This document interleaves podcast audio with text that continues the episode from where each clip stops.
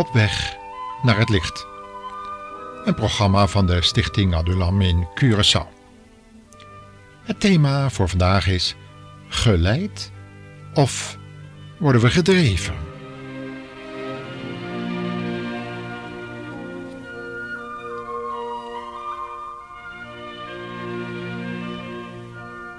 Vreemd thema-nummer.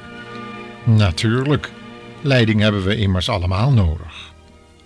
Dat gebeurt al direct na de geboorte, waar we leiding ontvangen van onze ouders of verzorgers. Dat is gewone menselijke leiding, die later uitgebreid wordt met de leiding die we in de maatschappij ontvangen of die we zelf geven. We spreken dan over het geleid worden door de menselijke geest, die van onszelf of die van anderen. Er wordt dan gebruik gemaakt van ons verstand, de wil en het gevoel. Alles wordt ingeschakeld. Maar er zijn echter ook andere vormen van leiding. En daar willen we in dit programma met de luisteraars samen over nadenken. We zullen er zo dadelijk enkele noemen.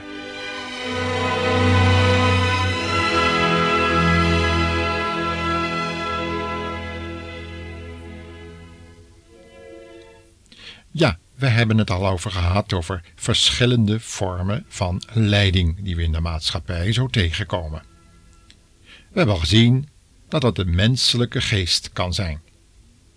Maar er is nog een vorm van leiding en dat zijn de omstandigheden. Daar krijgen we mee te maken allemaal. Direct al als we worden geboren. Ook omstandigheden kunnen ons in situaties leiden waar we helemaal niet willen. Of waar we het juist echt naar ons zin hebben. De omstandigheden kunnen heel grillig zijn. We spreken dan over het lot. Maar waar wij als christenen mee te maken hebben en ook mee willen te maken hebben, dat is de leiding van de Heilige Geest. En dat is dan de derde vorm van leiding waar christenen, waar mensen in het algemeen mee te maken kunnen krijgen. De wedergeboorte die is de sleutel om de leiding van de Heilige Geest van God te ontvangen. En we worden wedergeboren van bovenaf, zegt Johannes 1, vers 13, niet door de wil van het vlees, van onze natuurlijke vermogens. Nee, nee, door de Heer Jezus Christus aan te nemen. Zoveel Hem hebben aangenomen, die heeft Hij macht gegeven kinderen van God te worden door de wedergeboorte. En dan wil die Heilige Geest van God ons inspireren, leiden. En tenslotte zullen we deze themaprogramma's, die nog wel enkele keren zullen terugkomen, over nog een vorm van leiding spreken. Dat is de vierde vorm van leiding. En daar hebben wij mensen ook allemaal mee te maken. Hopelijk niet al te vaak dat is een leiding door precies het tegenovergestelde van de Heilige Geest, en dat is leiding van andere geesten, niet die van mensen, ook niet van omstandigheden, maar demonische leiding, zoals de duivel die wil geven. En soms komt de duivel als een engel van het licht.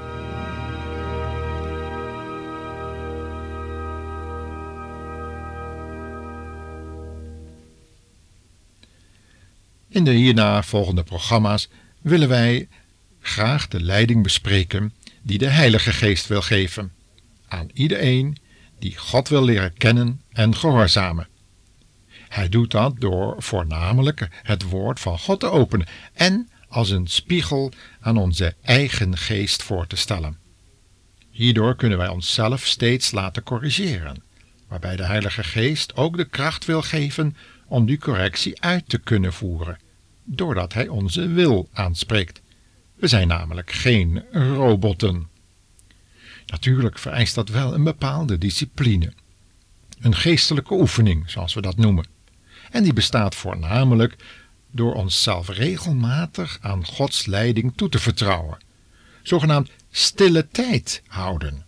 Bezig zijn met dat geschreven woord van God, zodat de Heilige Geest uit die bron van van, van inspiratie kan putten en ons daaruit kan onderwijzen. Dat betekent dat wij onszelf aan die leiding moeten overgeven.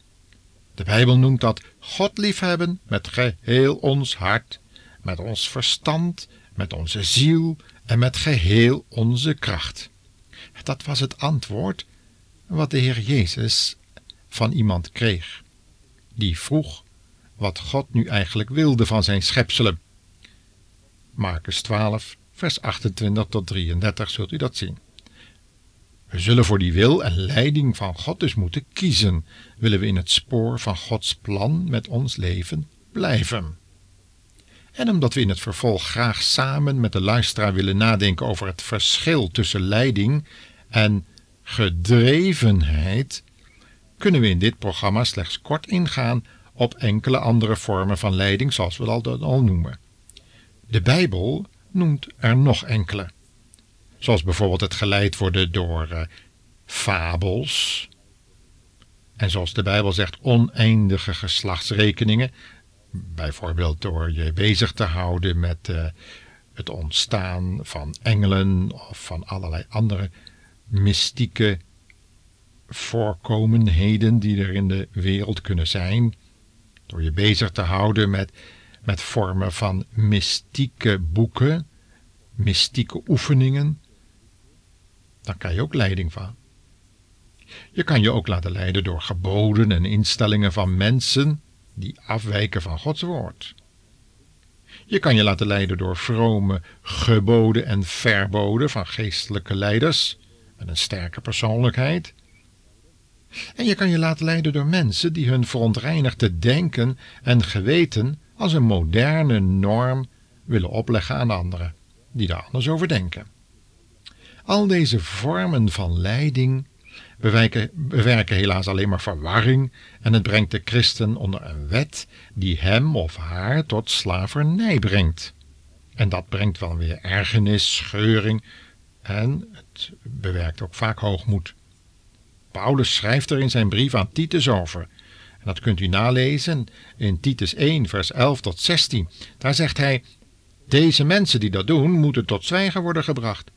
Het brengt namelijk hele families in verwarring. Daar moet een einde aan komen. Dat soort leraars brengt de verkeerde leer en is alleen maar op geld uit.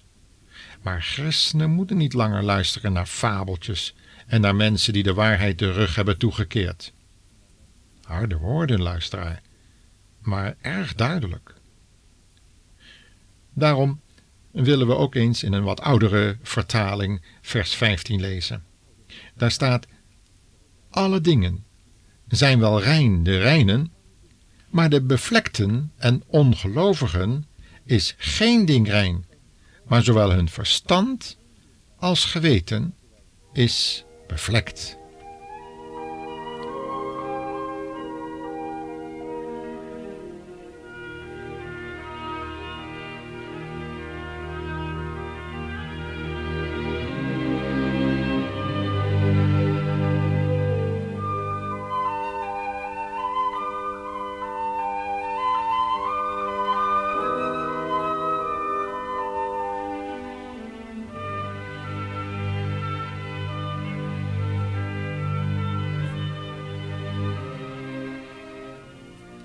Wanneer wij ons als christenen dus laten leiden door mensen met een bevlekt geweten en denken, dan zullen we verkeerd terechtkomen. Natuurlijk. Maar we bedroeven ook de Heilige Geest, die ons in al Gods zwaarheid wil leiden. En de Heer Jezus in ons praktisch leven wil zichtbaar maken. Zo alleen kan God zijn beeld in ons zien, zoals dat in de schepping bedoeld was. We hebben nu gezien dat we verkeerd geleid kunnen worden. Satan gebruikt hier zowel de menselijke geest als de omstandigheden voor. Maar hij maakt ook graag gebruik van tekenen en wonderen. Dat zien we bijvoorbeeld in Openbaringen 16, vers 13 en 14. Laten we het maar eens samen lezen. We doen dat uit een moderne vertaling van het boek, in makkelijk Nederlands. Toen zag ik uit de bek van de draak, uit de bek van het beest en uit de mond van de leugenprofeet drie boze geesten komen. Ze zagen eruit als kikkers Het waren duivelse geesten die opmerkelijke dingen deden. Ze gingen naar alle koningen van de aarde om hen bijeen te brengen voor de oorlog op de grote dag van de Almachtige God.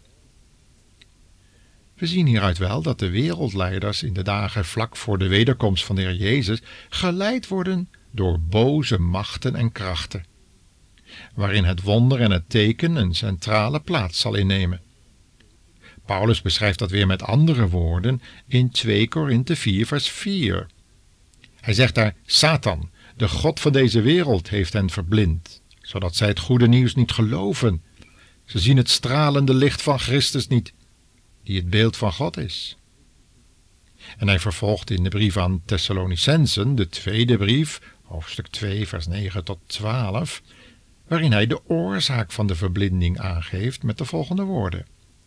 De mens van zeer grote zonde zal komen en optreden als Satan zelf, vol duivelse list en kracht. Hij zal iedereen een rad voor de ogen draaien, door allerlei opzienbarende, bedrieglijke wonderen te doen. In elk geval de mensen die op de weg zijn naar de ondergang, omdat ze niets willen weten van de waarheid, waardoor zij gered hadden kunnen worden. We zien dus wel dat die geestelijke verblinding van de mensen alles te maken heeft met de menselijke verantwoordelijkheid. Zeggen we namelijk ja of nee tegen dit soort leiding.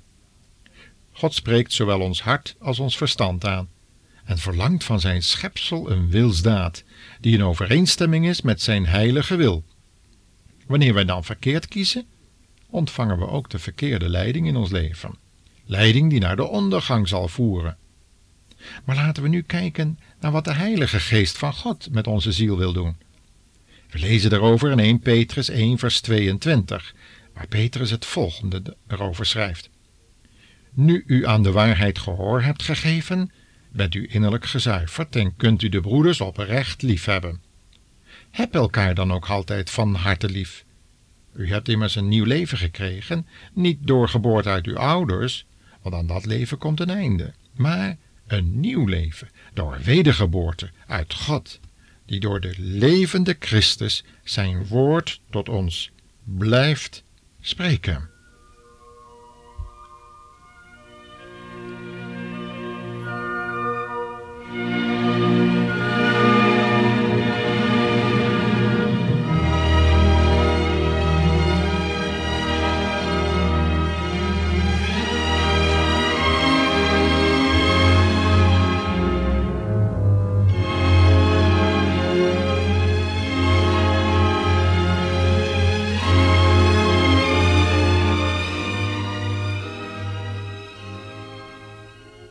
In een oudere vertaling lezen wij over de reiniging van onze ziel, wat zoveel betekent als reiniging van verstand, wil en emoties. Paulus schrijft erover in Romeinen 12, vers 2, waar hij zegt: U moet niet worden als de mensen die zich niets van Gods aantrekken. U moet anders worden door een nieuwe manier van denken. Dat andere denken geeft natuurlijk ook een andere levensstijl aan, met andere gewoonten en regels, waar ook geen plaats meer is voor de natuurlijke angst om alleen te staan. Want we zijn eigenlijk allemaal van nature kuddedieren, dieren die kijken naar de ander en zich alleen maar thuis voelen in een groep. Wij worden van nature zo gemakkelijk beïnvloed door de meningen van mensen om ons heen. We laten ons daardoor leiden, maar in dat nieuwe leven is er geen mensenvrees meer. Wel ontzag voor God. Paulus zei dan ook tegen Timotheus in 2 Timotheus 1 vers 7 en 8 God heeft ons geen lafhartige geest gegeven, maar een sterke geest, vol liefde en bedachtzaamheid. Wees nooit bang om anderen over onze Heer Jezus te vertellen of ervoor uit te komen dat je mijn vriend bent, hoewel ik ter wille van Christus in de gevangenis zit. Maar je moet bereid zijn met mij voor de Heere te lijden. Hij zal je de krachten voor geven. Christenen weten dus in wie ze geloven. We lezen daarover in 2 Timotheus 1 vers 12. Vandaar dat wij als christenen zo'n hoge verantwoordelijkheid hebben om acht te geven op de juiste leiding in ons leven. Niet in eerste plaats van mensen of van welke gezagsdragers ook, hoewel dat zeker op zijn plaats is als ze niet tegen het woord van God ingaan. Ja, God wil onze heiliging. Dat betekent ook de bereidheid om te luisteren naar Gods stem. Laten we dat samen doen, luisteraar.